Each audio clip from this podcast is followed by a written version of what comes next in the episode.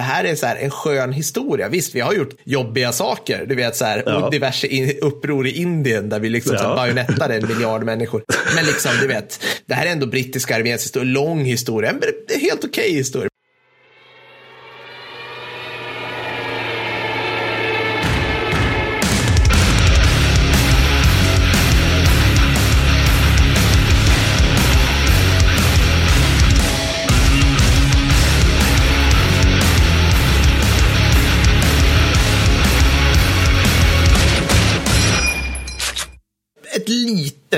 Eh, förlåt ska vi skicka ut oss här från Kickstory-podden. Eh, de första 12 minuterna av eh, ljudet blev inte jättebra i det här avsnittet och vi tycker vi siktar på det här med crisp-ljud. Det misslyckades vi med nu. Vi klagar på att Konrad skötte rattarna här. Så kan det gå ibland.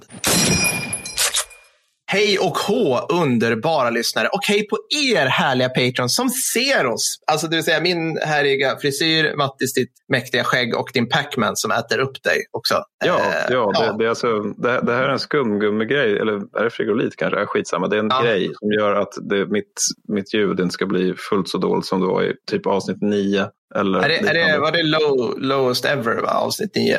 Var det sämsta? Ja, det ligger bra till. Alltså, alltså, ja, det är några, några där, sju, åtta, nio där någonstans. Där. Alltså det, det låter så, jag tror det är det vi har om första, första vi hade om första världskriget, om det kan vara avsnitt sju. Där låter det verkligen som att jag sitter under en bil i ett akvarium och någon spelar ratt med samtidigt. Det, det, låter inte bra i alla fall. Men sådana här saker är i alla fall till för att det här är också helt, helt ointressant för de som lyssnar på ljudet här och inte, inte ja. ser Youtube-podden. Okej, okay, vi släpper det. Ja, hej, tja! Uh, varför så här? ja, men det, ja, precis. Men det, det, jag tänker oss att vi kommer ju börja närma oss det här med liksom lite mer radio reportagegrejen. Ja, jag går här ute och ska sitta på den, den spräckliga spettugglan här tillsammans med den och den jägaren. Du vet, så här, alltså så här, man, natur i P1-stilen, liksom, att man är på plats. Så här. Den, vi, vi närmar oss det, tänker jag. Det där är Men... lite som där när man var liten och såg Ett med naturen och det, det var från och till där de hade de här grymma grejerna från Storbritannien och USA där liksom man fick vara på Serengeti och titta på lejonen med Arne Weiss oh. i en timme. Men sen så var det de här avsnitten när det inte var så, utan de bara, nu ska vi köra svensk natur. Och det var var en helt grå skog av tallar, en helt grå, liksom en sån här jävla sten någonstans också. Och så var det mycket, mycket grå uggla som satt och huttrade där i oktoberregnet. Det var det som var svensk natur, minns jag det som. Helt bedrövligt. Så jävla tråkigt. Ja. ja. Eh, och det här avsnittet är ju spexigt nu, för det här är alltså avsnitt 25. Jag höll på att säga fel igen. Det här är, det här är roligt, för ni som inte Patreons, gud vad, gud vad, jag kommer mobba er hela avsnittet. Förlåt, det är inte meningen. Jag älskar er också. Ni lyssnar, det är underbart. Men ni som inte är Patreons, som då Patreons 10 euro eller över. För er kommer ni, här, ni kommer titta i er scrolllista så bara, vad fan vad konstigt. Här har vi 23 och sen har vi 25. Jag fattar ingenting. Och det är för att vi liksom listar våra avsnitt i ordning, alla. Oavsett om det är våra specialavsnitt eller extraavsnitt som vi har för bara Patreons eller våra vanliga för den allmänna pöbens eh, konsumtion. man ska ja, säga. Ja. Hur man alienerar en lyssnarbas. Ja, fortsätt. Ja, precis. Nej, men så att det är därför, jag, jag vet ju Ja, precis. Nej, men så är det. Och jag, jag, tänker att det är... För jag vet hur jag skulle störa mig på om jag skulle gå igenom. Vad fan, varför, har, de, har de hoppat över den? Vad är det här? Så det kommer bli nu så. Var, var tredje mm. försvinner, om man säger så. Mm. Eh, så blir Patreon. Ha, där fick jag in det. Världens bästa sale pitch. För ni vill väl inte vara utan saker? Nej, exakt. Nej, gud, nej. Um, eh, ja. Ni blir en av våra arbetsgivare, som vi älskar, eller hur Mattis? Ja, gud ja. Och det, det är väldigt trevligt. Vi tycker väldigt mycket om er alla, men särskilt våra arbetsgivare. Jag väntar fortfarande på någon form av enskilt samtal med om där de ska skälla ut mig för att jag måste bara klä mig ordentligt på jobbet. Så därför har inte kommit än. Vad håller vi oss i kontorstider verkligen? Mm, ja. Och vi, ni kanske inte tycker att det verkar så kul för vi verkar inte vara så pepp nu. Vi är lite low energy. Vi, vi är, för att citera min favoritpresident någonsin, lite low energy Jeb Bush-stil här nu. Alltså, ja. Jeb Bush is a low energy person. Du har gått igenom förkylning och jag är lite trött i hjärnan helt enkelt. Ja. Ähm, ja, men så det, det passande nog då att det ska vara ett avsnitt som vi förra avsnittet hypade som att det här kommer bli skittråkigt. Det är bra då att det är två stycken som sitter och... Det tror jag är bra i och för sig, för förra avsnittet var ganska flamsigt mot slutet. Så att, eh, jag tänker ja. att nu, nu tar vi det lugna och sansade. För idag ska vi prata om allierade specialförband under andra världskriget. Och det är ganska lugnt. Men först kanske ska ha några shoutouts, eller? Jo, alltså så här. Jag, kan, det är återigen, jag är så jävla dålig på shoutouts. Folk vill ju höra det här. Men jag, jag, kan säga så här. Vad kan vi ta? Vi kan ta Ninni, vi kan ta stabsassistent, vi kan ta alla de här underbara människorna på på Twitter som nu har fått sina Konrad-muggar, fucking finally, bara sen i väntan sen i november. Och lägger ut bilder på dem. Jättekul att se. Eh, bland mm. semlor och allt möjligt annars. I love you, all of you. Fantastiskt. Ja, alltså, Konrad har även börjat dyka upp på olika fältförband. Det tycker jag är trevligt. För att mm. liksom, så nära var, var han ju aldrig fronten. Så det är ganska Absolut kul inte. att se honom vid något, så här, vid något Molle-system och en AK5. Så, är där med ögonbrynet i, i luften och så vidare. Um, jag kommer faktiskt att återkomma till Konrad i slutet av den här podden. Men, men, men, det blir under vad jag har lärt mig sen sist. Men det är en fruktansvärd sak om Konrad. Ja. Har du några shoutouts? Ja, jo, det har jag. Eh, jag har, jag har ett gäng. Det, det, jag, får, det, jag får många DMs på Instagram och typ allihopa är jätte, jättepositiva. Så, att, så att, eh, jag mm. skulle kunna ta någon av dem. Men jag tänkte att vi skulle vända oss till iTunes dess glada värld där man får stjärnor ah. och betyg. Ja, och det här är alltså ett ja. sätt för mig att väldigt subtilt säga rate oss gärna på iTunes och skriv gärna en kommentar. Jo, för att det som jag fasar för på iTunes, och det har jag tagit upp tidigare, det är de här jävlarna som ger oss två stjärnor. För det, alltså, ingenting är så dåligt egentligen att man ger en stjärna eller liksom det, det, är väldigt, väldigt få saker som är det. Alltså, så mm. liksom, om, om jag skulle få digerdöden skulle jag tycka att det var en stjärna upplevelse. Men, men mm. liksom få kulturprodukter. kulturprodukter, ja. Så de, de, så de som ger en, ja vad det ska kallas, under. Ja, ja. En stjärna det är folk som bara ragear och inte tänkt igenom och de kommer avfärda. Två stjärnor det är någon som har tänkt igenom. Och här har vi då en shoutout till Anders F som har faktiskt gett oss två stjärnor. Eh, han skriver nämligen korta som rubrik och sen så står det Eh, han skriver följande. Jag, kolon, jag kan erbjuda mig att klippa ner samtliga avsnitt med cirka 20 minuter. Alla, kolon, omöjligt. Hur går det till? Tre utropstecken, tre frågetecken, tre utropstecken. Jag, kolon, jag klipper bort citat humorn, slutcitat i varje avsnitt. jag tyckte det var hårda ord. Men som alltid så håller med våra kritiker. jag menar, ja, ja, alltid, ja, ja. Det, det, det, det, det hakar an vid någonting som jag har tänkt på lite grann. Men alltså, jag håller alltid med våra kritiker till att börja med. Jag håller med Anders F till viss mån. Jag tycker också att det bästa avsnittet vi gjort är avsnitt två. Så om du vill tipsa om den här podden, börja med avsnitt två. Absolut inte ett, för det är det sämsta avsnittet vi gjort. Tror jag. Uh, men samtidigt vill jag, liksom, grejen är att när det gäller det här med humor, man ska kalla det med, alltså, till mitt försvar, det är så här jag pratar om krig. Det, det är liksom mm. så det är. Jag, alltså, jag, jag har sen jag, vi började podda skrivit ner fyra vad jag tyckte var roliga formuleringar på 24 avsnitt. Och i övrigt så är det så här, jag låter och jag har interagerat med dig utanför podden också Per och det är så här du ja. låter också.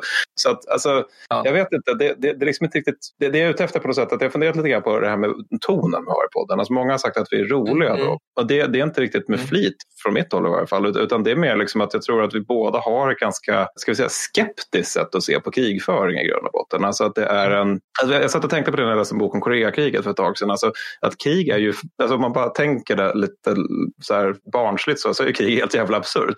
Alltså jag, jag sitter och läser om Korea där, där det ligger en kille i ett risfält och så han är på andra sidan jorden och så ligger en kille i ett annat risfält och båda är yngre än vad vi är och de här försöker liksom döda varandra med små, mycket hastiga metallobjekt som de håller på att mm. slunga iväg mot varandra med andra metallobjekt. Och det är ju egentligen helt absurt om man tänker på det. Om man tänker på krig som helt absurt, då är det rätt svårt att inte prata om det på det här liksom lite raljanta ja. sättet som vi gör. Eller förstår jag tänker?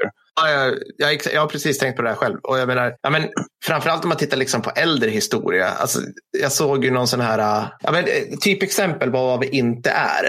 Det är såna här superseriösa välproddade, långa SVT-produktioner om typ 30-åriga kriget. Alltså så här, mm. här, har vi, här har vi ett gäng arméer som kommer in som en flock gräshopper och förstör mm. en hel landsbygd. Det är så ja. mycket piss och skit. Det är så, det är så, så bottenlös misär. Och det sättet som SVT, då, de här riktiga historikerna, gör, det, det, mm. alla, det är liksom, ja, jag står här och här kom svenska kavalleriet och typ red ner 2000 kvinnor och barn och satte dem vid svärdet. Och så tittar de in i kameran. Hur kan de ja. hålla sig för skratt? Alltså det, är, det, är så, det, är så, det är en sån absurd jävla situation. Ja, men det ja, är ju det. Ja, men det är absurt. Menar du att de inte red ner? Alltså, det måste ju se helt ja. sjukt ut. Vad fan? För man kan ju inte så här, alltså, ja, nej. men det är också lite på något sätt det här man, att det känns nästan lite bättre att skratta än att gråta i sådana lägen. Ja, alltså, att jag brukar ja. anklaga dig för att du börjar näsnissa så fort någonting blir lite real. Men det gäller väl mig också lite grann. Att man, om, man ska, om, man ska, om man ska ta liksom allting på jättestort allvar som vi pratar om, då, då kommer det här bli en jävligt ledsen podd förr eller senare. Men det tror jag inte folk är här för. Men, men jag vet inte, det var med lite lösa funderingar jag haft. Och sen nästa shoutout, det är då till Macuse som skriver grymt bra, favoritpodden någonsin, lärorikt med inslag av humor, fantastiskt duo. Den var ju liksom lite mer sådär kort och koncis. Ja. Men ja, Eh, det var mina shoutouts och lite rönnbärsfilosofi om, om, eh, om hur vår ton är. Det kommer nog vara ett löpande tema i den här podden. ja, det blir lite metapodd över oss själva ja. till slut. Men jag tror, jag tror hoppas att det är folk uppskattar. Ja. Ja, nej men vi ska ju prata om det som ingen har sett fram emot, nämligen allierade specialförband under andra ja, världskriget. För att ingen bryr sig om allierade, eller, eller jo det gör de, men fast ingen, ingen bryr sig egentligen om, ingen bryr sig om de allierade egentligen så mycket som man, som man borde kanske. Är det... men jag, jag, jag tänker lite grann, när man var liten eller var yngre, då var ju det man såg i form av film, det var ju i regel amerikansk krigsfilm. Så då var det rätt länge som man tyckte att ja, fast det där narrativet har jag redan. Jag har redan tagit in det. Liksom. Så, så då, ja. det var liksom då man började bli intresserad av axelmakterna kanske. Jag vet inte. Men, men sen så har jag mm. funderat lite grann på också det här med att vi, för vi har kallat de allierade tråkiga både det här och föregående avsnitt. Och jag undrar om mm. det är liksom att orsaken till att de inte är lika liksom, kittlande att prata om det är att amerika- eller allierade och inte minst amerikanska specialförband de härstammar ur liksom rationella organisationer. Alltså det, det, det, det, är liksom, det, är inte som med, som med japaner som bara nu så ger vi våra fallskärmsjägare självmordsuppdrag kallar de Giretsu Kutetai och sen får de köra. Utan det här är liksom så här, vi har räknat på det hela. Vi behöver så här många soldater med så här mycket eldunderstöd och för att ta den här lilla ön som kommer vara en jätteviktig del för att vi ska kunna styra upp logistiken i den här delen av nordvästra Stilla havet. Det, det är liksom det som ja, amerikansk krigföring det, det är liksom inte så flashy. Det är liksom inte så tokigt som det här med liksom att nu tar vi tolkskolan, gör dem till nazister och sen får de bara köra i Sovjetunionen. Nej, Eller förstår precis. Jag, jag förstår precis hur du tänker. Ja, nej, det är en jävligt sjuk grej. ja, men eh, ska jag sätta igång eller? Ja, du ja. kan köra. Du, du, får ju det, du får ju börja med det som är det fetaste här i det här avsnittet, ja, eller hur? Ja, ja, det får jag göra. Och för nu ska vi nämligen mitt här ska prata om kompani Linge. Och eh, äntligen Norge får man väl säga då. Jajamän, ja. Ja, eller För att vi har inte pratat någonting om Norge i den här eh, podden överhuvudtaget. Vi har snackat om Danmark när vi beskrev dem som danskjävlar upprepade gånger i avsnitt 19 ja. om 30 kriget. Ja. Det var roligt. Och eh, sen så har vi också pratat mycket om Finland, men aldrig om vårt eh, västra broderfolk Norge. Så nu är det dags för dem. Och här vill jag också passa på att utfärda en liten triggervarning. Och det tycker jag är roligt att säga, för nu hör vi liksom ljudet av all snöflingehöger som, som verkligen blir triggad av ordet triggervarning. För den stora tesen för detta avsnitt och i varje fall min lilla del del av just det här, del, eller min del av det här avsnittet, det är att norrmän är betydligt hårdare än finländare. Oh, what? Man shit. Nu är osäker i min revolver kan jag säga. Ja, jag kan tänka mig det. Jag kan tänka mig det. uh, nej, men alltså det, det, det, det är någon, jag hör liksom ljudet av det kollektiva Skandinavien som tappar andan av det här påståendet. Ja. Men, inklusive norrmännen. Inklusive, inte minst norrmännen. Alltså, akkurat. det, eller, ja, det var, det var alltså norskan som var språket som ja. den här gången. I det här avsnittet av Kickstory-podden skändar vi norska. Vi kan inte ens, vi nej, kan inte ens härma. Nej. Möjligtvis vissa svenska dialekter, men absolut ja. inga främmande språk.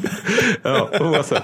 Nej, men Kompani Linge då. Det är då ett, ett norskt specialförband i brittisk uniform, eller om man då så vill, eh, det är norrmän som strider för britterna under andra världskriget. Då. Och då är det så att brittiska SOI, de vill ha folk som kan slå mot det ockuperade Norge. Norge har fallit för nassarna, alla är ledsna över det. Liksom. Och det, men det finns en massa gött som nassarna har byggt där i Norge som eh, SOI vill inte ska vara där i Norge. Mm. Så att då tar man då eh, eh, kapten Martin Linge ur norska krigsmakten. Som, han får liksom gå runt bland norska flyktingar i grund och botten som har tagit sig till, till Storbritannien och kolla om det finns några norrmän där som vill slåss. Och det finns, finns det gott om då visar det sig. Allihopa är frivilliga i hela kompaniet så att de får ju frågan då av Linge om, om de vill och de säger ja. Och Linge själv han stupar under Målöyröden, Målöjräden den 27 december 1941 då. Men förbandet får då namnet Kompani Linge för att hedra honom. Det, det, finns ett annat brittiskt namn för det men, men det orkar inte jag lägga till minnet för att eh, liksom alla känner det som Kompani Linge. Ja, Ja. Och eftersom det här är liksom ett SF-band som opererar mycket i smågrupper och sådär. Alltså lite grann som jag snackade om när det gällde fjärrpatrullerna så är de, de är aldrig samlade i sin helhet överhuvudtaget under kriget. Utan de är i sin Nej. helhet en gång och det är under en parad i, i, vid slottet i Oslo eh, den 28 juni 1945. Men vid det laget då är då kriget faktiskt slut. Så det är väl någon form av segerparad de kör då. Och själva kompaniet, satan vad helt ser jag. jag ber om ursäkt för detta kärnregister. Som sagt det är slutet av en förkylning. Själva kompaniet det är då 530 man eh, under hela kriget. Det är liksom lite folk som mm. kommer och går då. Så att de är liksom aldrig så många totalis. Men innan det är slut då så har 57 eh, dödats totalt och 53 eh, av dem dödas i strid. Och sen så är det sju som tas till fånga. Så att det är ungefär 10 procent är fatala förluster för förbandet. Sen antar jag då att det är ett antal som även såras. De utbildas då i Skottland eftersom terrängen där påminner ganska mycket om Norge.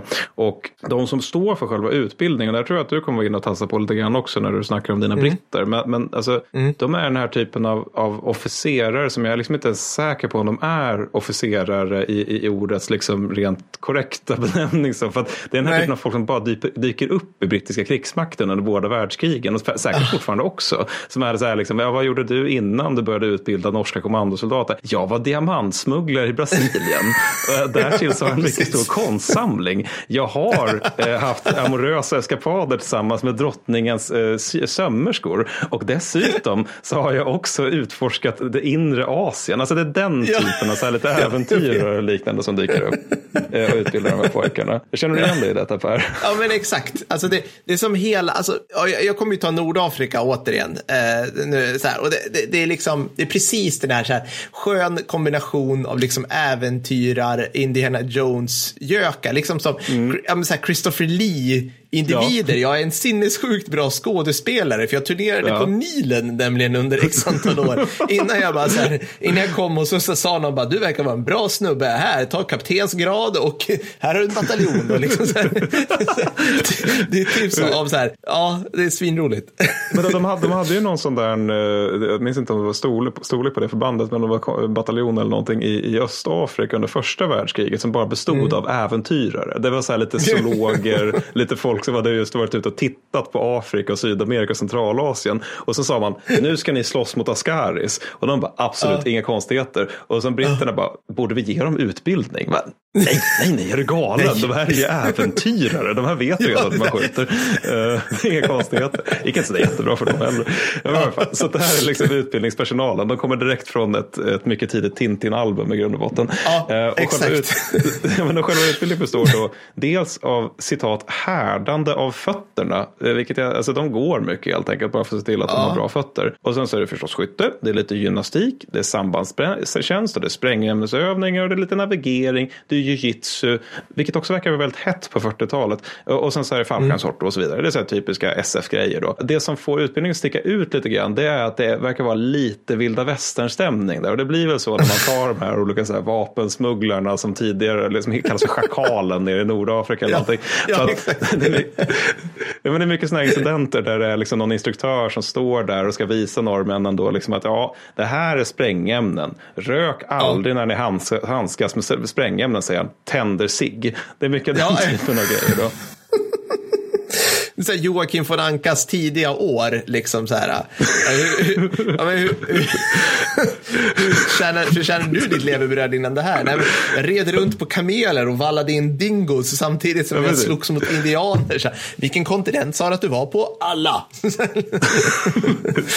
jag var på alla kontinenter. Ja, ja, ja lite, lite den stämningen. Men sen så verkar utbildningen i sig ha varit ganska hård. För det, de har alltid sjukvårdare på plats då, under alla övningar. Då. Det behövs för att folk skadar sig på löpande band. Då. Men samtidigt är de här väldigt motiverade också. Alltså, norrmännen vill, mm. ju liksom, de vill ju slå mot nazisterna. Liksom. De vill ju ta, mm. befria Norge. Så det är mycket sådär med att folk bryter något finger eller någonting men ändå fortsätter att öva. Liksom, de vägrar ta sjukdag, eh, sjukdagar. Och sen så eftersom det är ute i Skottland och liksom Skottland är ju typ jägare och samlare på den här tiden. Då, liksom, de ah. bästa vägarna är fortfarande romerska. Så är det liksom ah. rätt mycket också så här att de bara norrmän ute och tjuvskjuter och sånt där. Då, då finns det speciella föreskrifter för det där att man måste betala böter om man åker fast. Liksom. Och då är själva skammen för det, det är mycket, mycket värre än liksom, att man måste betala böter. och sen så övningarna varierar lite grann mellan att de kan vara en timme eller också kan de vara 21 dygn med stridspackning. Då. Sen när man har utbildat då det här Stolta kompani Linge, då så har de lite olika sätt att sätta sig in då i Norge. Det är dels liksom småbåtar, det är fallskärm och det är kajaker och det är miniutbåtar och allt möjligt. Och sen så när, när det gäller deras uppgifter i Norge, vi pratade om det förra avsnittet, det här med, ja, men det här med hur, hur liksom tv-spelifieringen av hur vi ser på specialförbanden. Mm. Ja, men du vet, liksom. Alltså Exakt. det är inte... Nej, men precis, det, det, är strid. Det är som att på något vis det skulle vara huvuduppgiften. Alltså så här, mm. gärna strid mot så här, du, du, uppgiften här är att så här anfall det här kompaniet med skyttesoldater, kniva ja. hälften, meja ja. ner resten så här, och det är ja. din uppgift, för du är ju operatör. Det liksom, var pansarvärnsvapen, typ. ta ut den där stridsvagnen som kom med i det här kompaniet. Det är Precis. bossen i den här banan. Och det sjuka är att det, det, här, det här är ju liksom en bild som stämmer väldigt illa överens med de vi snackade om förra gången, alltså Brandenburger och fjärrpatruller framför allt då. Men mm. för Linge, alltså fan det borde komma ett kod Linge eller ett Battlefield ja. Norway eller någonting. Det skulle bli skitgrymt för att deras, ja. alltså, deras uppgifter är som en väldigt jävla bra single player-kampanj och ett bra FPS-spel. För att det de ska göra är då understödja norska motståndsrörelsen och det, det låter ju, liksom, det, det, liksom, det, blir, det blir introt till spelet. Då. Men sen till mm. mycket stor del så är det liksom sabotageuppgifter de ska göra. Så de ska in med små miniubåtar och kajaker och skit. Sen så ska de ge sig på industrier vid kusten, alternativt örlogsfartyg som de bara tejpar på sprängämnen på. Sen så ska de också förstöra järnvägar naturligtvis. Och sen var det någon, någon grej de höll på med var också tydligen att ta och förstöra personregister. Då. Det här var för att man skulle skydda motståndsmännen som fanns i Norge. Ah, liksom, från från, okay. från mm. Gestapo SS. Och sen hade de också rena stridsuppgifter som de fick genomföra, bland annat under då, uh, Operation Archery. Det var för sig inte så många norrmän som faktiskt var med där, men alltså det förekom att man satte in dem så här att nu, nu ska ni också få liksom verkligen konventionell mm. stridstrid. alltså. Mm. Och givet att de överlevde så fick de sen ex extraheras och eh, sen så fick de ofta upp, upprepa operationen. Men jag sa ju nu då det här med att, det här med att de här stolta norrmännen var hårdare än, än finländarna. Ja. Och nu är det upp till bevis. Här, nu ska, du, ja, ja, nu är det upp till bevis. Jag, vi har många lyssnare som sitter så här, cancel your Patreon prescription så här nu och bara vänta på hur ska, hur ska ja. Mattis ta sig ur det här. Ja, ja, ja nej, men nu kommer det där. För det, min rubrik heter här, Den stora aktionen. Och det här är också deras mest kända operation. Vilket innebär att ni kommer nog känna igen mycket av det här, de, mm. många av er. Men jag kör det i alla fall för att det här är faktiskt mm. ganska badass. Eh, grejen är då alltså att i Norge finns något som heter Norsk Hydro. Och de har en anläggning vid Vemork som framställer tungt vatten. Vad har man tungt vatten till Per? Eh, nukes. Och ja, kärnkraftverk, och det, typ, eller? Jag ja, det, det, är mer vad jag vet. Men det, det, det enda jag vet om tungt vatten är att nukes och att dessutom den här idén med att Hitler har nukes är ju inget bra. Och det tycker inte britterna heller då. Så i juni Nej. 1942 så bestämde man för att eh, okej, okay, men eh, Vemork-anläggningen eh, måste förgöras. Och de som ska göra det är givetvis inte kompani Linge, för de är barbariska norrmän. Utan snarare mm, så är de mm. vi ska skicka in, det är brittiska ingenjörssoldater som ska in i Norge och de ska vara jättesnäviga och så ska de spränga saker och så ska de ut igen. Men problemet mm. är nu här att för att de ska ta sig in så måste de ska liksom komma in med glidflygplan. Så då behövs det liksom folk som kan liksom märka ut vart de har glid... Ja. ja. Jag börjar näsfnissa redan. Förlåt. Jag vet, ja, nej. Alla, bra, alla bra operationer börjar med glidflygplan. ja, avgjort ja. Precis. De här grejerna som kan blåsa fel. Men ja, exakt så. Men grejen är att de här då, de, de måste ledas in av någon. Då, och då, då så hittar man ändå, kommer man ändå tänka på någonstans i bakhuvudet att vi har ju de här norrmännen som kan terrängen i Norge. Så vi kan ju mm. faktiskt utnyttja det då. Så då inleder man Operation Grouse som är då fyra norrmän, fyra fullkomliga hjältar som skickas för att fixa liksom, alltså radiosamband med Storbritannien. Och sen så är det ytterligare en som heter Einar Skinnerland då, som han är redan där för att upprätta liksom, samband med den norska, norska, norska motståndsrörelsen. Då. Och de här mm. fyra killarna då, de landar den 18 oktober 1942. Därefter så är det mars genom förfärligt satans väder genom vad man kallar för lite skämtsamt för en nationalpark. Men det är ju ödemark. Alltså det här är liksom ja. rena fjälltrakter då. Så det bara rakt genom snöstormen fram till den 6 november. Så det är 18 oktober, 6 november skidmarsch. Ja. Eh, vid det här laget så är det liksom mat och förnödenheter. Det är ju nästan snu, slut när de når sitt mål. Men, men det, de har ändå fixat det. Liksom. Sen upprättar de då en punkt på en myr där, varifrån de kan glida, leda in glidflygplanen. Då. Och då har de gjort det som är deras ursprungliga uppgift. Det är det som är Grouse. Ni ska ta er till den här myren, ni ska leda in glidflygplanen och sen så kommer det liksom de här brittiska ingenjörerna fixa resten. Problemet är nu här då, det är att den brittiska ingenjörssoldaterna, det går fullkomligt jävla åt helvete för dem när medan de flyger in då. Så liksom, de, de sprids ut över halva Sydnorge i sina stackars glidflygplan och de som liksom inte dödas av själva krascherna, eh, ja, alltså de avrättas ju helt enkelt av, av, av, av tyskarna. Det, det finns ett, ja.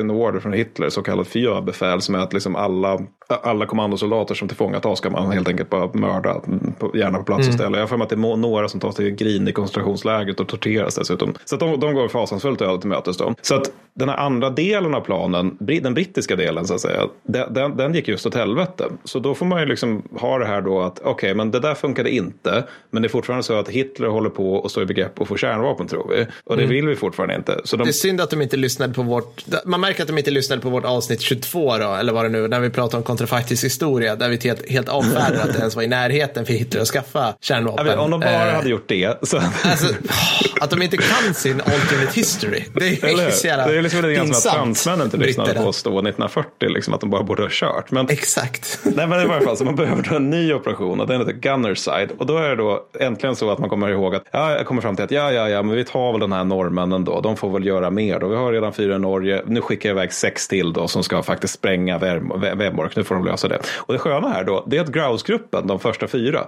de är fortfarande kvar i bergen. Ja! ja, vid det här laget så har det gått ganska lång tid. De luktar lite illa. De, liksom här, de börjar nog lukta smula illa. Ja, ja. ja för, för, att alltså, grejen är att de är utlovade förnödenheter från, från Storbritannien, men det kommer inte. Det, det är liksom knas med flyget, dåligt väder och andra dåliga ursäkter liksom, från folk som inte är lika hårda som Grouse-gruppen. För Grouse-gruppen, det kommer fan bli en t-shirt. De är hjältar ja. hela högen. För att de, de, de hittade en anteckning från en av dem som var den 23 december sköt jag den första renen, så vi firade trots allt en fin jul. Vilket jag tycker är en väldigt ja. bra grundinställning. Ja, sköt, ja. Under sin mycket långa tid där uppe i, i fjällen då, så skjuter de totalt 13 renar bara för att hålla sig vid liv. För att de återigen får ju mat utifrån. Då. Och det här tvingar dem då att eh, dels äta blod naturligt, alltså de äter ju köttet förstås då. Men sen så mm. när de har gjort det, då måste de liksom börja ta, ta sig an de delarna av renarna som man kanske inte tänker på som ätbara. Så blod kommer de fram till, det är helt okej. Okay. Ögon går mm. att käka. Järnsubstans, om man blandar det med mjöl och blod, då kan man göra det till en pudding. Och det smakar tydligen ganska gott. Och det kan ha varit så att de var ganska hungriga när de kom fram till att det var ganska gott. till med, eh, så, så kan det vara, men man gör ju det mesta för att överleva. Så de hur, hur kan det där inte vara Norges nationalrätt nu efter, efter de hjältemodiga grouse? Liksom. ja, men eller Nej, men så, så. Nej, men, så den 22 januari 1943 då, då flyger Gunnerside-gruppen, ja. alltså de nästa sex norrmännen, då, de, de skickas iväg. De hittar inte grouse för att återigen, de är ute i ödemarken. Så då vänder de om. Mm. Sen gör man ett nytt försök den 16 februari och då hoppar de över Hangerdavidda som det heter där grouse hänger och upprättar ja. samband och sen så, sen så kan de börja jobba liksom. Men då vill jag alltså på, stryka under återigen. Det här hände den 16 februari 1943. Grouse ja. de sätts in, nu ska vi se här så att jag inte säger fel, den 18 oktober 1942. De är där i nästan ja. ett jävla halvår. Alltså, vi pratade ju om det här med avdelning Hartekainen som var igång i 56 dygn bakom fiendens linjer. Alltså de här bor bakom fiendens linjer och ja. äter renar. Det är liksom det de gör i fjällen. Det finns ingenting där. Eller alltså det finns ju lite byar och skit som de kan ja. gå till. Men, men alltså, de, de är ganska utsatta i det jag är ute efter. Ja. Mm. Men så oavsett då, Gunners har hittat Grouse och alla är glada över det. Sen då så kan de äntligen börja med det här efterlängtade anfallet mot Vemork. Så att mm. eh, då är det så tursamt då att eh, jag, jag, har sett så här lite sekvenser från, från olika filmer om det här och där, där ser det liksom ut som att Vemork var liksom värsta fästningen. Liksom att det var typ så här flacktyrmer som stod omkring det hela och att det var mm. SS-bataljoner som bara marscherade runt. Mm. Så var det inte, utan de hade strålkastare och sådär. Men totalt var det bara 15 man som försvarade skiten då. Ja. Och eh, mitt i natten då så dyker, dyker norrmännen upp, eller linge, lingemännen upp då. Så klockan 00.30 så in, eh, inleder de sitt angrepp och då lyckas de infiltrera in i anläggningen då utan att tyskarna märker. Liksom håller på att klättra runt där inne på olika maskiner och sen så lyckas de lägga in sprängämnen och sen lyckas de också detonera sprängämnen utan att bli upptäckta överhuvudtaget, vilket är bra i Oj, sig då. Shit. Och, ja. ja, men grejen är då alltså att varken norrmännen eller tyskarna tycker att den här smällen som följer är speciellt imponerande. Mm. Norrmännen är liksom lite småbesvikna över det hela. Tyskarna de skickar ut en obeväpnad kille för att kolla vad som har hänt. Och sen går han sin väg. sen kommer han ut igen. Fast nu har han en ficklampa med sig. Så att han kan se oh, ordentligt shit. om någonting har hänt. Ja. Och sen så just när norrmännen känner att nu måste vi mörda honom. Liksom, då går han in igen. Och det, det är liksom, sen så, så kan han bara dra. Alltså det är det som är den tyska, det tyska försvaret av Emork. Det är en obeväpnad 19-åring med en ficklampa. Men Mattis, det blir inget Wolfenstein sista banan spel av det här. Det kan jag säga. Det här måste du bli hot stötta upp ordentligt om vi ska släppa Battlefield Norway eller Call of Duty Men det blir en väldigt bra stealth- stealthbana tänker jag. Det, det blir väldigt, väldigt bra stealthbana. Alltså att man bara ligger där i bushen Ja, vid järnvägsspåren. ja, du tänker och- så ja. ja. Mm, smyger, Känns ju liksom. inte som att det, det, var inte de, det var inte de snävigaste eller piggaste Wehrmacht-soldaterna som hamnade i Norge eller? Jag vet inte. Nej, jag, tror inte, jag, här. jag tror inte att det var där man satte liksom fyrens elit. Så det var Nej. man nog snarare någonstans på östfronten den här tiden. Eh, eh, ja, nej, men så- sen då så klockan fem på morgonen så har, så har de kommit hem till lilla fjällstuga som Grouse har hängt upp i, i återigen ett halvår. Sen efter det så är det då för Gunnerside, alltså de sex inte fullt så hjältemodiga men fortfarande hjältemodiga som Grouse, äh, norrmännen. De får då åka skidor i två veckor mot Sverige, vilket de gör, tar sig över svenska gränsen, kommer hem till Storbritannien via Sverige. Eh, sen Grouse då, de får det ju svårt som vanligt för Grouse är Grouse. Så att de, det här, i boken jag läste om det här så var det liksom att i bisatser så stod det saker i stil med att det var någon snubbe som fick gå citat 16 mil på 36 timmar. Det är ganska långt om man som den här killen Ganska redan långt. är skottskadad. Och Ja. samma snubbe blir sen också fångad av tyskarna naturligtvis. Lika Ja. naturligtvis lyckas han då ljuga sig ut ur den här situationen. för att det är liksom, det är Kirk Douglas som spelar huvudrollen i de här hjältarna från Telemarken. Eh, Och sen så då lyckas han också övertyga en tysk arméläkare som ju återigen har tagit honom till fånga. att Jag har en skottskadad arm, kan ni göra någonting åt det här läkare? Absolut, Absolut, det fixar jag. Och sen då är det några av dem som lyckas ta sig ut eller måste ta sig ut, men två av dem de blir kvar i Norge. Jaha. Alltså, två i Grouse-gruppen, de bara hänger kvar. För att, varför inte liksom? Men de måste ju ha varit kära vid det här laget. De måste ju bara vet, säga alltså, vi, vill, vi, ja, vill, vi vill jobba på vårt äktenskap här i stugan. Men Liksom, jag här killarna. det, det är liksom. inte helt osannolikt. Alltså, att de, Nej. men jag menar på allvar, det är nästan lite fint. Liksom. Man hittar varandra. Men, nej, men så, och det här är då tro- trots att en av dem lider av A. Svår undernäring, B. Beriberi, vilket är en äcklig sjukdom för den som undrar. Och de fortsätter att stödja liksom, motståndsrörelsen från sin lilla fjällstuga. Då. Och de här två heter Skinnerland och Haukelid. Och återigen, det går ett tag här. 1944 så får de ju uppgift då att, för återigen, de är fortfarande kvar i fucking Norge. Ja. Så är de, eh, som uppgift att tillsammans med lokala förmågor då eh, utplåna tyskarnas tungvattenres, eh, eh, tungvattenreserver. För vid det här laget så, de hade rätt. De där smällarna var inte fullt så imponerande som de kanske behövde vara. Så eh, amerikanska flygvapnet var tvungna att eh, liksom dyka upp och göra slarvsylt av det som fanns kvar av Emork. Men då har tyskarna fortfarande lite tungvatten kvar då som de har satt på en färja. Och då ska då Skinnerland och Haukelid, de ska då sänka den här färjan. Eh, vilket de naturligtvis gör. För att Ja. liksom, så jobbar de. Och det här är ganska långa, vill jag Get stryka shit under. done. Ja, de get shit done. Eh, och Ja. det, det men också att det här var en av över 50 jävla operationer som kompani Linge genomförde. Det här är bara det mest kända. Det finns en hel rad som är liksom lite så snarlika. Jo, luftlandsattes i Nordnorge, fick marschera i tre veckor, kom fram, ströp ut 13 tyskar, extraherades med miniubåt. Alltså det, det är Linge. De var hardcore helt enkelt. Ja, ja. Fan vad coolt. Jag känner ju liksom mycket kring de, de här Nordnorge. Alltså så här, det, det känner jag att vi, vi liksom inte lyckades med i, jag ska inte säga förra avsnittet, utan förra, förra. Alltså just det här att trycka på hur pissigt det är att vara i ödemark under längre tid. Alltså så här, du kan inte tvätta dig.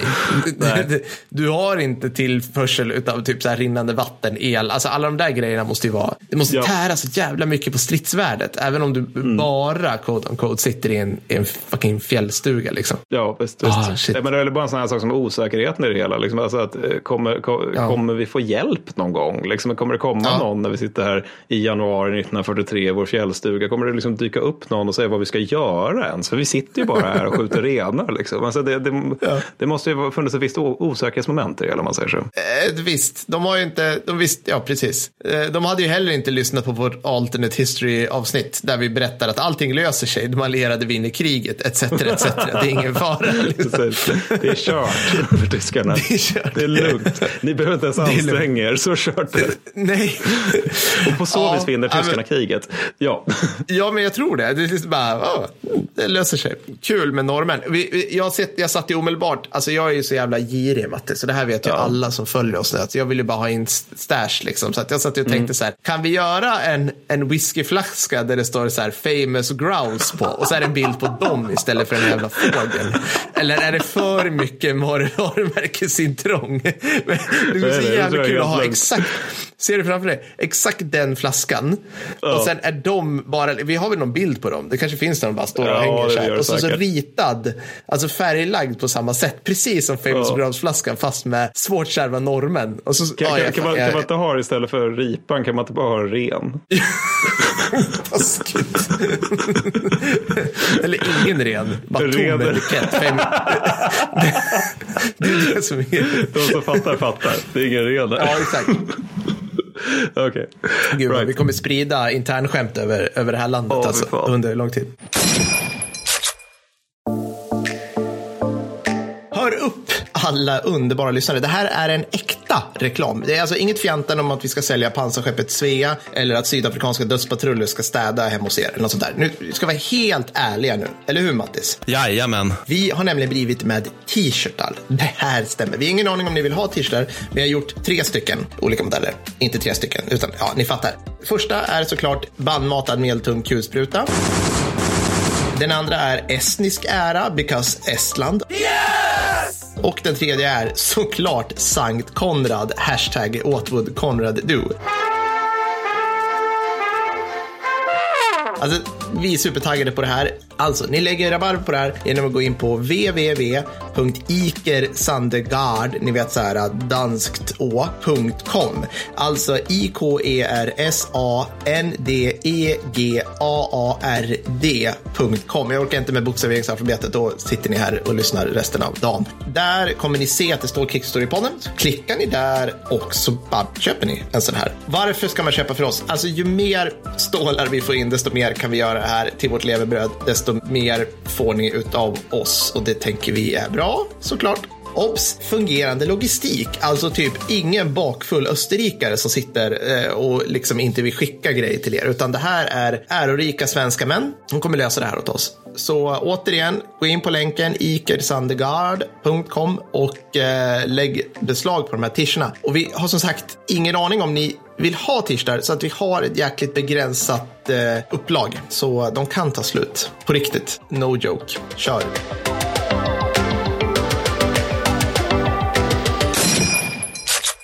Ja, äh, men eh, tillbaks till britterna. Eller vad, Ja. tillbaks, till, tillbaks till Storbritannien. För jag, jag ska ju prata om Siggen. Och det här är inte särskilda inhämtningsgruppen, så coolt ska det inte vara. Eh, utan det här är ju Special Interrogation Group. Det här är väl, ska jag inte säga, vi, jag tror vi hintade lite kring det att det här är kortfattat skulle man kunna säga brandeburgare fast i, i britter helt enkelt. Med lite annat. Men jag måste bara säga ändå, kul, alltså sen man läser om det här, det är sjukt kul med hur fritt och kreativt så här, brittiska försvarsledning måste ha varit i början av kriget. Alltså det, det måste Ja. ha varit så här, ja men det måste verkligen varit där. Okej, vi är i krig. Hörni, skicka stridsvagnar och kanoner och flygplan. Har vi inget sånt? Vad har vi då? Nej, vi, vi har två saker. Vi har en jävla massa jagare och sen har vi sjukt många kufiska, excentriska brittiska officerare som har oklar utbildning, erfarenhet från hela delar av, av Commonwealth, Ja, ja. liksom, brittiska imperiet. Så här. Han som jag tog upp i förra avsnittet om de här som byggde ett, ett eh, isberg som skulle bli ett hangarfartyg. Han som kom på den Ja. idén, han var precis en sån. Alltså någon som bara har jobbat Ja. som så här, jag var med i MI6 och sen så, var jag, sen så började jag ta loss fångar från fängelset. Liksom. Jag började liksom Ja. eh, frige, frita folk. Och sen blev jag tavelförsäljare. Förlåt, fortsätt. Nej, men, jag älskar det.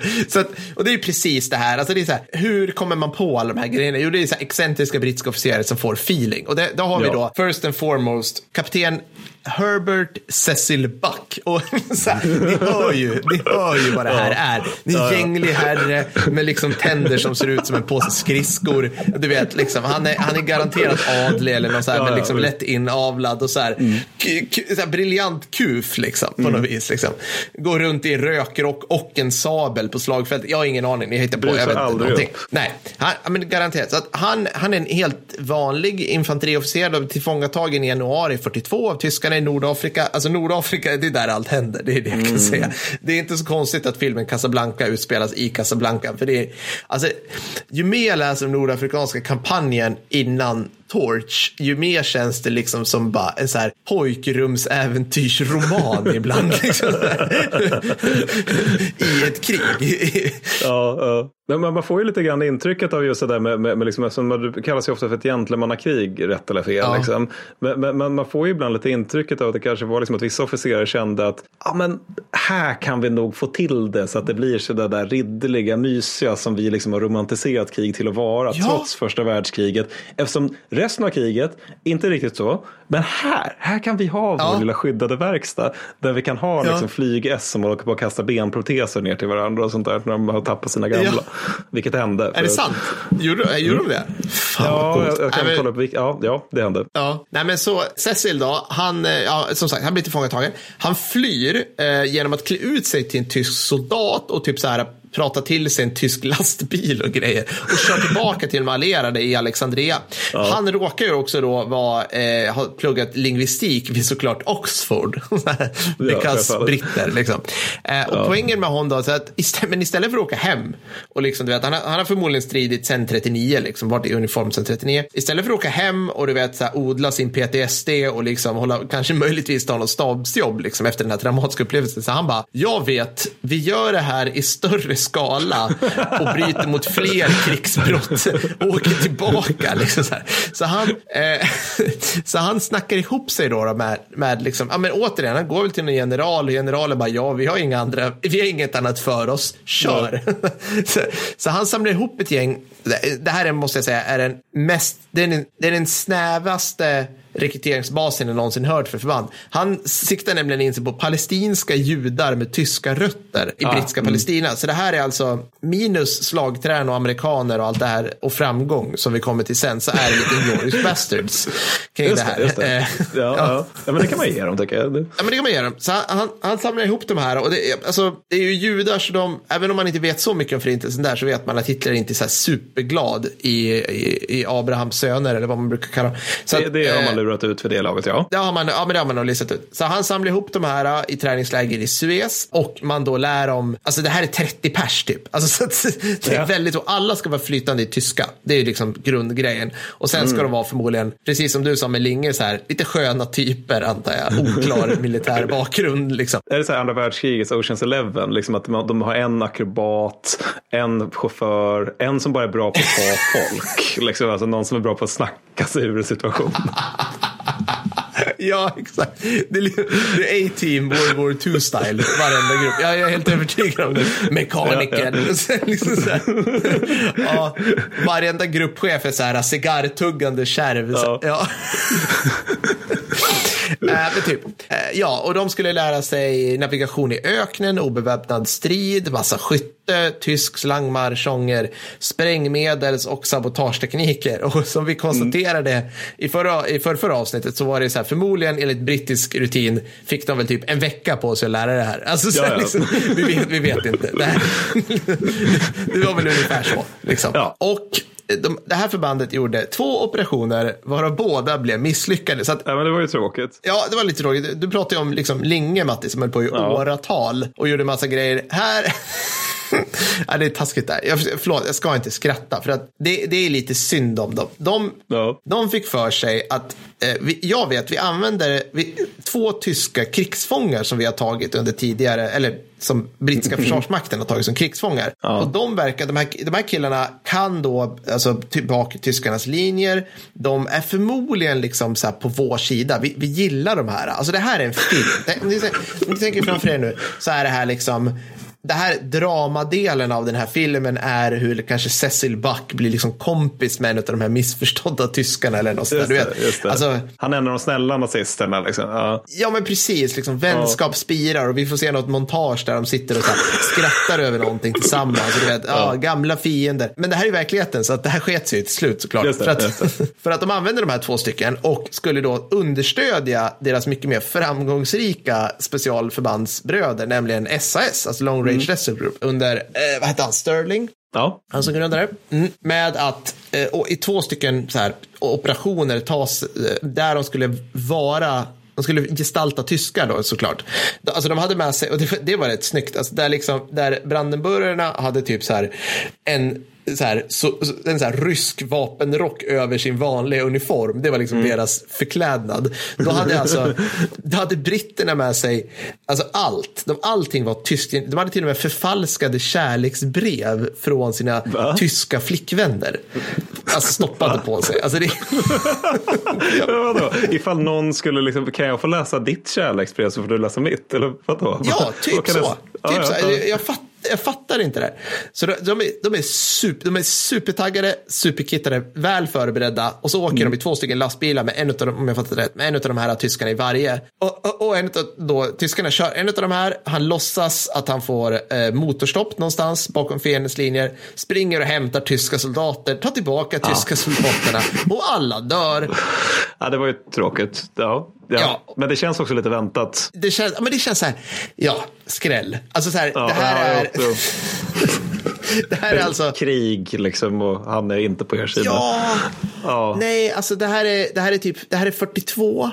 Alltså mm. så här, de är tillhör tyska Afrikakåren. Det är liksom inte liksom tvångsinvärvade osttruppen 45, utan det här är förmodligen liksom snubbar som kanske tyckte Hitler var ett vettig i början och du vet framförallt är liksom ja. kanske tyska soldater relativt så här. Ja, Man vill inte förråda ja, Nej, nej, precis. Pansarsoldater så väldigt motiverade. Ja, nej, jag förstår, jag förstår hur du tänker. Jag tycker inte heller det känns som just en skräll. Nej. nej, men typ så. Eh, den andra tyska soldaten, han förråder inte sitt gäng. Han blir typ ändå avrättad när han försöker fly. Just det. I'm not saying it happened, but it probably happened.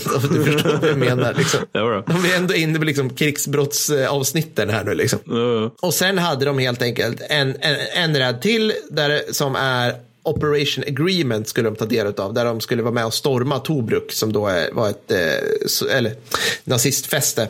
Axelmakterna fäste bakom eh, fiendens Och Tobruk, det bara sket sig på grund av att det sket sig. Alltså du vet som alla, typ så här, nio av tio specialförbandsoperationer generellt. Ja, där, så, liksom, ja, de blev påkomna och massa stupade. Så att man kan säga att det kanske var fem, sex stycken som klarade sig igenom det här kriget ungefär eh, i Siggen. Och jag menar, så att förbandet fanns egentligen. Ja, alltså jag har ju ändå varit imponerad, eller förvånad över att det fanns mycket information. För förbandet fanns liksom typ februari-mars 42 till typ strax efter sommaren. Där de liksom, just det, just det. de överlevande från den här lilla plutonen bara, eh, ni får gå med i de här eh, semispecialförbandet, eh, typ eh, brittiska ingenjörssoldat, eh, någonting. Liksom. Men, men, det där tror jag kanske kan vara liksom multikausalt. Alltså att det ena är ju då att det, det är ju samtidigt en jävligt cool, en jävligt cool idé. Alltså så här typiska grejer ja. som man vill skulle kunna lyckas lyckas liksom vara bra. Så då tänker jag att det skulle nog kunna leda till att mycket så killmyshistoriker kanske liksom skriver om det då gärna just för att det är coolt.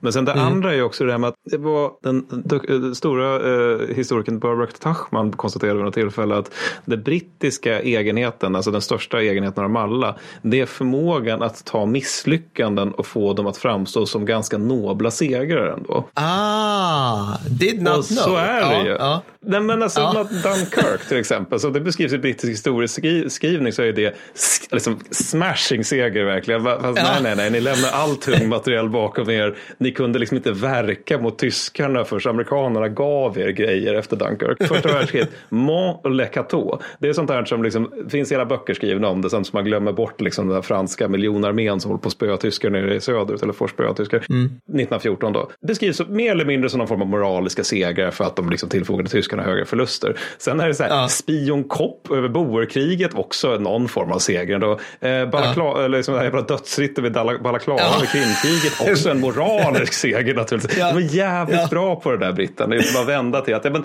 det var ju fint ändå. Vi hade en jävligt styv ja. överläpp etc. Ja. Så jag tänker att det, det kanske är därför som ja. Siggen då finns äh, välutforskad. Ja men precis, fan nu när du säger alltså jag har varit, eh, jag har varit på British Army Museum, eh, inte Imperial War Museum utan British Army Museum i Chelsea i mm. London. Mm. Och alltså, så om jag jämför den mot typ så här, äh, Armémuseet i Stockholm. Så, här, mm. så här, det är precis som du säger. Alltså varenda krig som, alltså det är som att de, eller de, de liksom lyckas teckna allting och sätta upp allting som att så här, det här är så här en skön historia. Visst, vi har gjort jobbiga saker, du vet så här, ja. och diverse in, uppror i Indien där vi liksom ja. bajonettade en miljard människor. Men liksom, du vet, det här är ändå brittiska arméns historia, lång historia, en helt okej okay historia. Medan typ så här, med museet, då är det så här, hur mycket ägnas inte åt att liksom så här, krig är hemskt. Här ja. ser vi så här, svält och umbäranden, ja. svenska knäktar som håller på. Ja. Så att jag köper din din förklaring ja, helt och hållet att britterna är duktiga på det där. Mm. Propagandasegrar på något vis. Liksom. Ja, men se, se, en målning från Island och Hava från Zulukrigen där alltså brittiska arméns elit liksom dödas av folk som har stötspjut och kohudssköldar. Det är liksom, alla målningarna är bara så här, brittisk ära i mitten av så ett hav av onda personer som försöker att få dem att inte ta den delen av Afrika. Jävla bra. Ja, nej men så att eh, Siggen det var det. Kort men naggande god skulle jag vilja säga. Ja. No.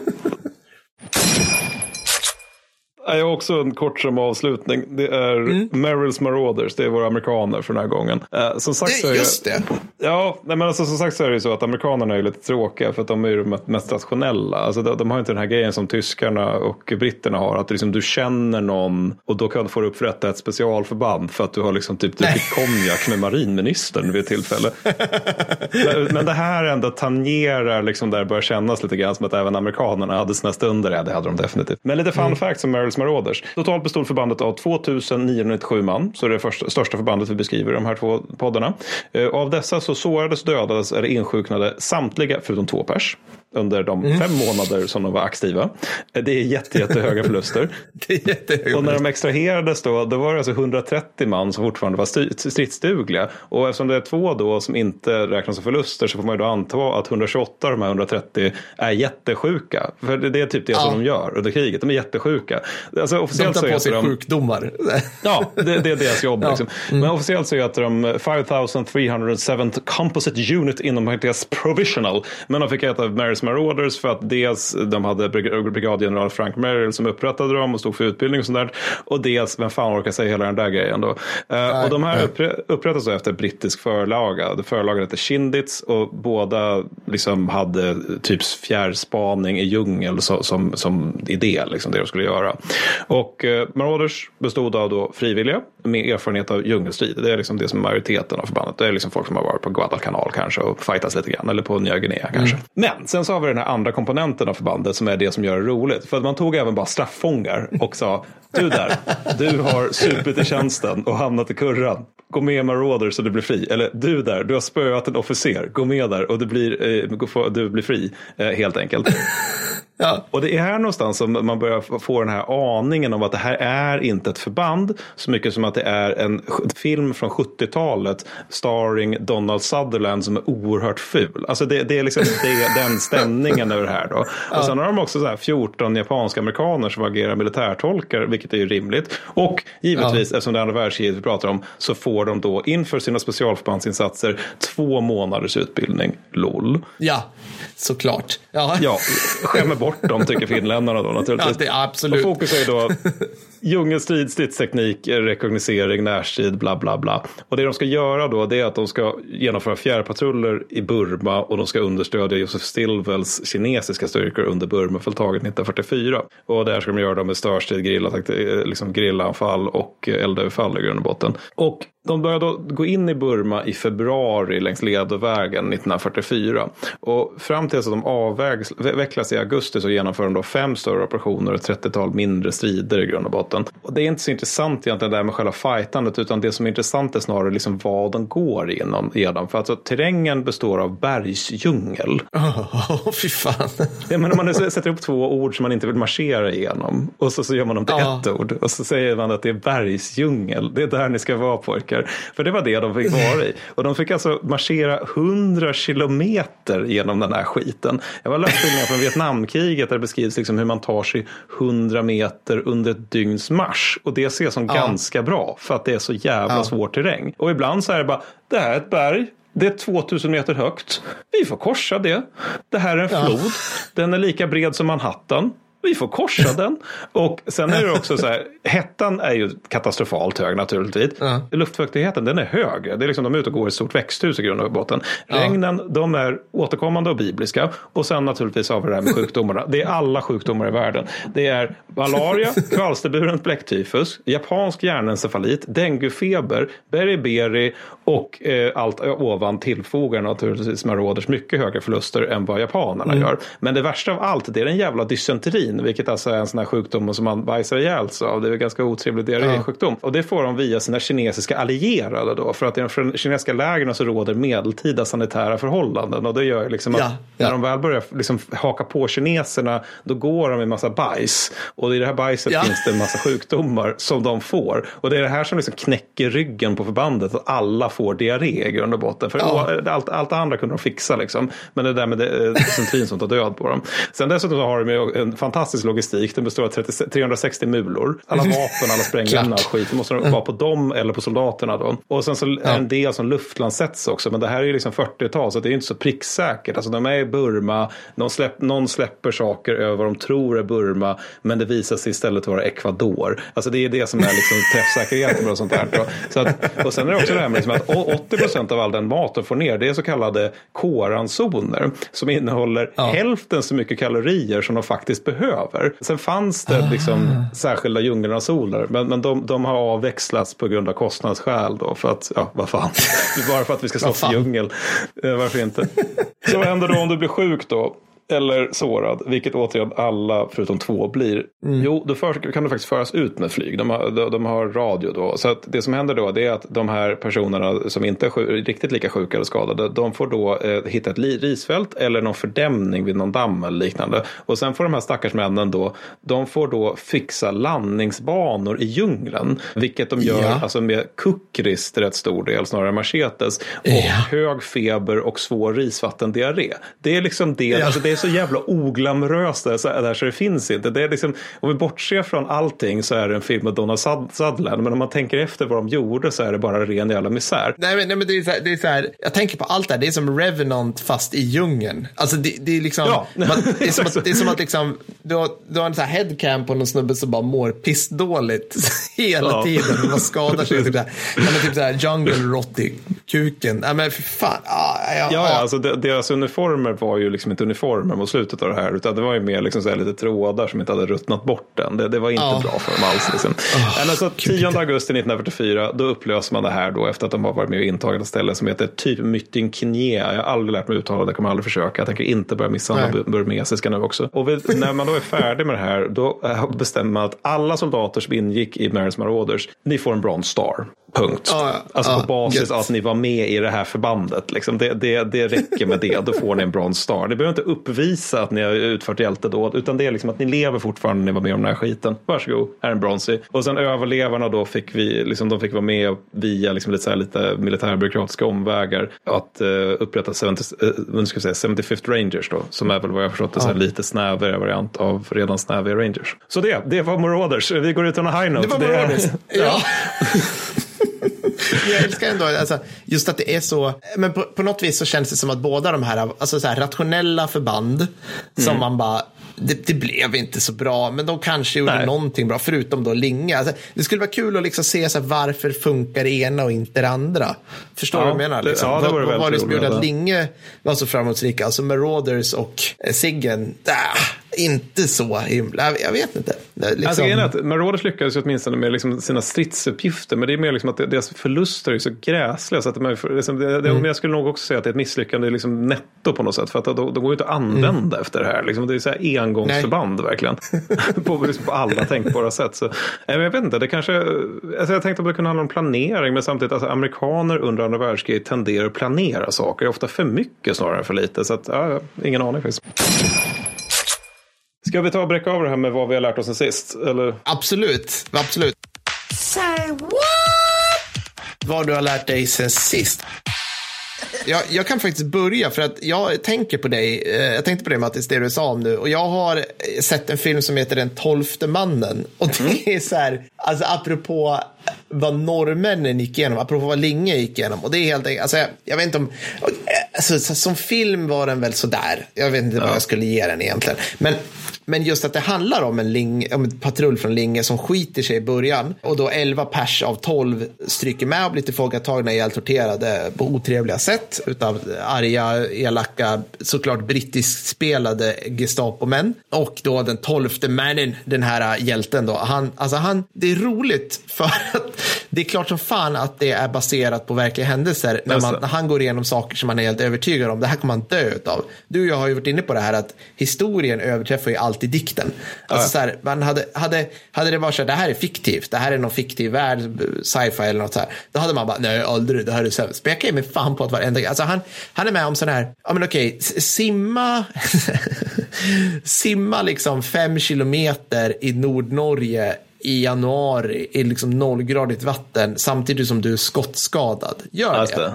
Ja. Och sen kravlar du, typ, sen får du lavin på dig, du blir skjuten igen, du klipper av dina tår för att de håller på att frysas ihjäl och ja, det är kallbrand. Ja. Alltså det, det, är så mycket, det är så jävla oh. mycket misär. Oh. Du, du vet, gömmer dig under en sten i ditt eget bajs i två månader. Alltså det, är så, ja, det, det, går liksom inte att... Det går inte att hitta på skiten. Nej, men det går inte att hitta på. Så att jag köper det. Jag köper det du säger om hårda norrmän. Återigen, mm. famous grouse whiskyn kommer snart. håll koll på din, håll koll på oss på sociala medier så börjar vi kränga den där. Nej, eh, så det är roligt. Eh, du då, vad har du lärt dig? Jo, jag håller på med en bok nu som handlar om eh, österrikisk-ungerska Storstruppen och italienska Arditi under första världskriget. Nice. Så det är här jag menar att jag måste nog hemlighålla den här boken för författaren tar faktiskt Konrad von Hötzendorf i försvar. Oh, no! What? Ja, och nu vill jag stryka under att hela okay. den här podden, hela vår framgång, allt vi äger och har, vilar på tanken att Konrad von Hötzendorf inte var jättebra. Nej, inte. så jag tänker inte berätta vad den här boken heter. Det... Nej, det får du absolut inte göra. Ingen nej, ska nej. få vatten på sin kvarn att sänka det här imperiet vi bygger här. Nej. ja, alltså att han säger typ att alltså, han gjorde ändå hyfsat ifrån sig när han blev degraderad från generalstabschef till att liksom hålla vad som kallas grupp Konrad i Italien. Men, men det känns ju ja. som att terrängen måste ju ha spelat en viss roll där också eftersom det var berg, Alperna. Men i alla fall, i den här boken då så beskrivs, beskrivs det en, att Österrike-Ungern de hade ju då egna slåsstruppen och de var väldigt förtjusta i eldkastare hela vägen. De tyckte, tyckte att det var ett väldigt bra vapen sådär när man skulle liksom storma skyttegravar, det var det ju också. Mm. Och då mm. upprättade de på Italienfronten en särskild sapörbataljon som hade en grej och det var eldkastare. Alltså de hade så sjukt mycket eldkastare. För grejen var att österrikarna hade gjort eldkastare själva först. Och sen så hade de visat sig vara typ snarare brandsläckare. Om det kom någon eld så var det mer som att man kunde eventuellt tända en mindre cigarett med den. Och så kan dyka ja. tyskar upp och lägga handen på axeln bara brorsan, här har du en eldkastare. och helt plötsligt så har de jättemånga eldkastare som de tycker är jättepraktiska att ha när de håller på med förfärliga närstrider. Och just den här pionjärbataljonen då, där varje kompani har 48 lätta eldkastare och 20 tunga. Det är sju helvetes massa bokstavlig eldkraft. Det är jävligt mycket eld alltså. Ja, det är väldigt mycket eld. Jag fick det till att totalt, de har alltså på den här bataljonen 272 eldkastare totalis. Alltså, I vanliga fall brukar det vara så att liksom om man jämför idag med då så brukar det liksom alltid vara att det är mer understödsvapen idag än vad det var då. Inte i det här fallet. För var tredje man, eller var fjärde man, om det är 800 000 man i den här bataljonen, har en jävla eldkastare. Alltså fattar du hur det blir när de anfaller om någon som gör det som en grupp? Det är bara boom, here be dragons. ja, men, ja. Alltså, så det har jag lärt mig att det fanns pyrom galna pyroman-österrikare som, som hade eldkastare. Fan vad coolt. Äh, och de lätta vad skiljer en lätt och en tung? Alltså en tung, är det liksom, har du en annan snubbe som drar tuberna då efter på en, på en Dramaten-vagn eller? Ja, men typ. alltså, det är framförallt storleken på tanken liksom. Alltså du, du, ah, du får okay. längre, har längre tid att verka med, med en tung Det finns liksom ingen flame pistol som bara liksom så, utan det, det hade ju varit coolt. Däremot, nu, nu, nu drar det lite, det jag lovar, det går jättesnabbt, men jag fick också lära mig att den första tyska styrkan med eldkastarpionjärer, det var något som, något som kallas för, jag tror de hette Flammengruppe Ederman eller något åt det hållet. De dök upp i början av 1915 på västfronten. Och då hade tyskarna då, eftersom de tydligen har ett jävligt mörkt sinne för humor, så hade de bestämt sig ja. att vi tar ett gäng brandmän som nu är soldater. De får vara ah. våra första eldkastarpionjärer. Och sen blev det så. Han, han Ederman som anförde dem, han skrev till och med memoarer. De finns laddade ner som pdf på nätet. Jag tror inte de är så bra, men de finns. Det var ett bra sinne för humor. Men vilka kan eld bättre än brandmän egentligen? Om man ska vara så, faktiskt. Ja, jag misstänkliggör alla brandmän. Det är alltid pyromaner som blir brandmän. Ja, fucking hell. Ja. Eh, bra. Tack för det Mattis. Tack själv Per. Nästa gång ska vi inte vara lika low energy tror jag. Men det, Nej, jag tycker det blir bra då. Nästa gång ska vi prata om marina fuck-ups. Ja, för att det är flera som har faktiskt bett oss prata om, om nå någonting som inte är landkrigföring. Så nu ska vi ut på djupt vatten. Pappa humorn har Nej, men. Ja, precis. Nej, men absolut. Vi måste ta tag i det här i vår, att vi är så dåliga på, det, på de eh, värdigare vad, vad heter det, försvarsgrenarna. Just det med blå sjögående kalanka saker och ting. Alltså jag, jag tror i båtar. Får, det, får bli, ja, men jag hörde, för det får bli någon form av liksom så här, eh, fyllespel. Liksom, ta en shot varje gång någon av oss är båt snarare än fartyg. Ja. Så att, alltså, det, det här, ja, nästa avsnitt blir det avsnittet där vi har faktafel på riktigt. Liksom. Jag kan ja, inte mycket om det. Jag ska, ta ett, jag ska ta ett Tsushima och japanska slagskepp under andra världskriget. Det tror jag blir roligt. Ja, det blir bra. För vi har inte pissat på ryssarna på tillräckligt länge. Ja, alltså jag tror det kan bli svinbra det här. Vi, och jag menar, någon dag ska vi göra ett avsnitt om eh, vikten av marina operationer för att vinna båda världskrigen också. Ska vi ta. Ja, men det var det. Gingen gjorde Johannes och Frank och eh, ja, vi syns snart helt enkelt. Ja, ha det gött. Bra, du med. Hej då. Hej.